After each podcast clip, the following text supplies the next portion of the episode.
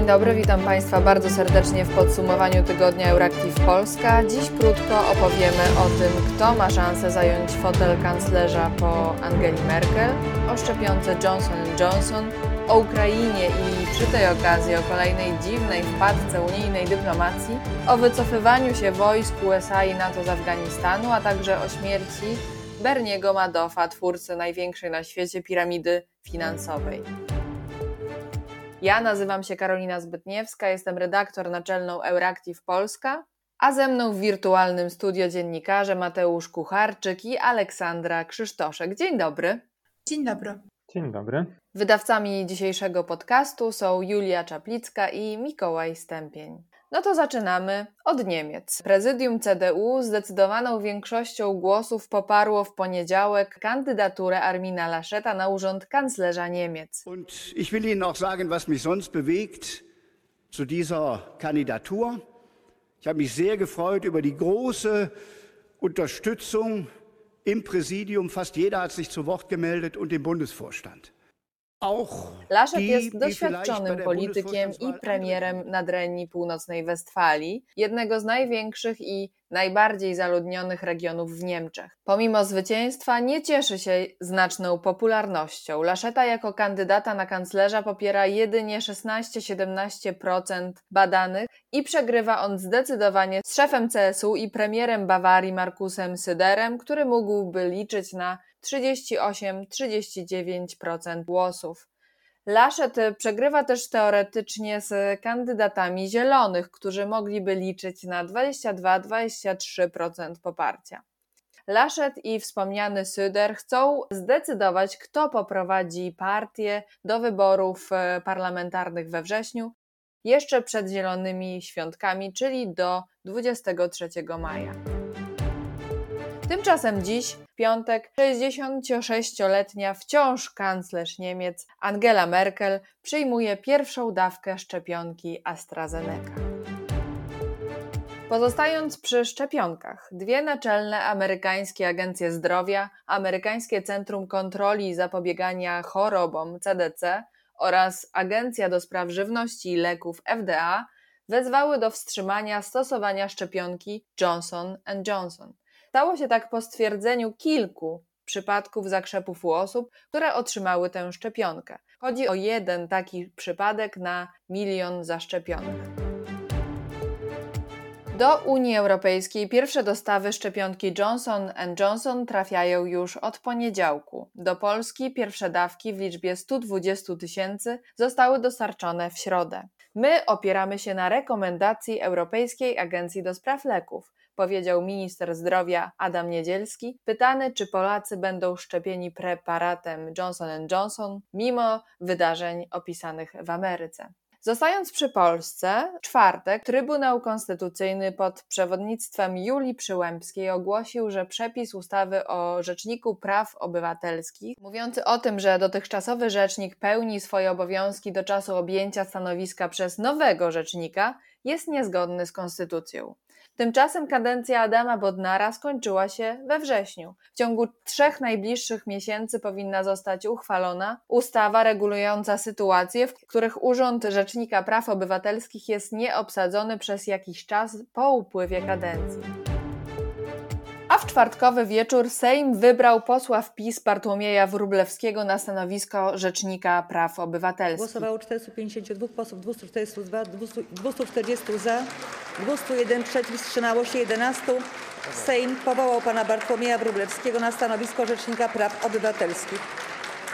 Na tym zakończyliśmy rozpatrywanie punktów porządku dziennego. Doktor Wróblewski to, jak sam się opisuje, wolnościowy konserwatysta pro-life, zdobywca korony ziemi i poznaniak z urodzenia i przekonania. Prywatnie przemiły człowiek, służbowo między innymi autor wniosku do Trybunału Konstytucyjnego, w wyniku którego zaostrzona została ustawa antyaborcyjna. Walki ideologiczne mogą nie sprzyjać bezstronności kandydata, ale jak to się wszystko skończy, zobaczymy. A teraz przenieśmy się na Ukrainę, która chciałaby być w NATO. Więcej opowie nam o tym Ola. Ostatnie tygodnie przyniosły, jak wszyscy wiemy, zaostrzenie się napięcia we wschodniej Ukrainie. Rosja wzmacnia swoje siły przy granicy z Ukrainą i na okupowanych terenach. Kijów tymczasem szuka pomocy za granicą. Werbalne wsparcie wyraził prezydent Turcji Recep Erdoğan podczas spotkania ze swoim ukraińskim odpowiednikiem Włodymirem Załańskim w Stambule. Podkreślił on, że Turcja nigdy nie uznała aneksji Krymu przez Rosję w marcu ubiegłego roku. We wtorek natomiast minister spraw zagranicznych Dmytro Kuleba udał się natomiast do Brukseli, by wziąć udział w zainicjowanym przez Kijów posiedzeniu Komisji Ukraina-NATO i tam rozmawiać o pomocy ze strony Sojuszu Północnoatlantyckiego. Czego Kijów oczekuje od NATO? Tego minister dokładnie nie sprecyzował. Powiedział tylko, że mogą to być nowe sankcje, a może bardziej konkretne wsparcie, to jest coś, co bezpośrednio przełoży się na potencjał bojowy Ukrainy. Sekretarz generalny NATO Jens Stoltenberg zadeklarował w imieniu sojuszu niezachwiane wsparcie dla suwerenności i integralności terytorialnej Ukrainy i zapewnił, że NATO nie uznaje i nie uzna nielegalnej aneksji Krymu. Thousands of uh, combat ready troops to Ukraine's uh, borders. The largest massing of Russian troops since the illegal annexation of Crimea in 2014.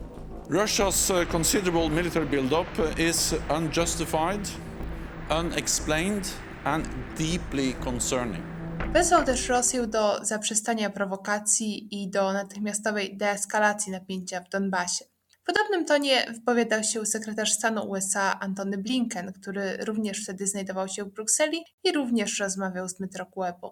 Skoro już mowa o Stanach Zjednoczonych, to w związku z agresywnymi działaniami Rosji na arenie międzynarodowej, m.in. okupacją ukraińskiego Krymu, prezydent Joe Biden nałożył sankcje na grupę rosyjskich obywateli i firm. Amerykańska administracja zdecydowała też o wydaleniu z kraju 10 rosyjskich dyplomatów. Wraz z coraz poważniejszą sytuacją na wschodzie Ukrainy powraca temat wizji ukraińskiej akcesji do NATO. W zeszłym tygodniu prezydent Zełański wyraził nadzieję na przyznanie Ukrainie w najbliższym czasie tzw. Tak planu działań na rzecz członkostwa, tzw. Tak Membership Action Plan. Biały Dom deklaruje, że popiera natowskie dążenia Ukrainy, ale decyzja należy do całego sojuszu. Możliwość wstąpienia Ukrainy do NATO od dawna krytykuje Moskwa, która uważa, że doprowadzi to do pogłębienia konfliktu w Donbasie.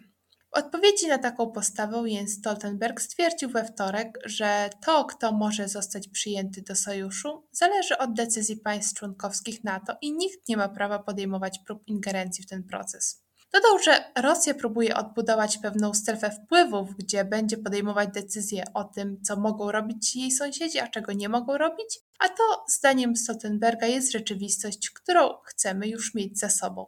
Na razie jednak na słowach się skończyło, bo żaden nowy krok przybliżający Ukrainę do sojuszu nie został wykonany i nie zapowiada się, by do takiego przełomu miało dojść. Ostatni taki krok miał miejsce w czerwcu ubiegłego roku, gdy Ukraina została przyjęta do tzw. Tak programu rozszerzonych możliwości NATO, co w praktyce oznacza wzmocnienie współpracy z sojuszem, ale tak naprawdę niewiele więcej w kontekście członkostwa w sojuszu. Dodam, że co do Ukrainy, Ursula von der Leyen, przewodnicząca Komisji Europejskiej, otrzymała zaproszenie od prezydenta Wołodomyra Zełenskiego, aby wziąć udział w obchodach święta niepodległości Ukrainy pod koniec sierpnia. Odmówiła jednak udziału ze względu na niezwykle pięty grafik. Komisja Europejska zapytana, co jest w tymże napiętym grafiku, nie potrafiła odpowiedzieć.